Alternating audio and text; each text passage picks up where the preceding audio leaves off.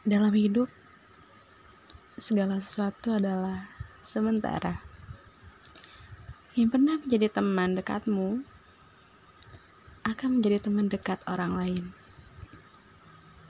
Yang pernah menjadi partner kerjamu akan menjadi partner kerja orang lain. Kekasihmu mungkin akan menjadi mantan kekasihmu. Orang tua dan keluarga akan terpisah karena usia.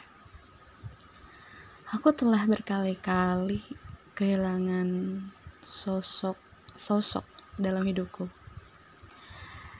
Kesendirian mengajarkanku satu hal.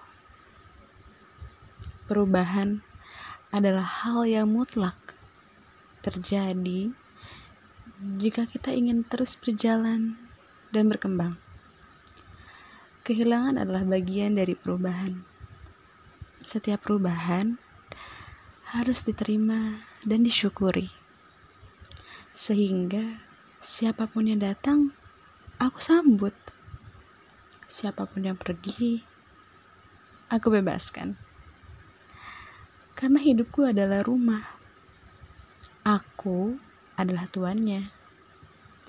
Sisanya adalah tamu yang tak bisa aku paksa tinggal.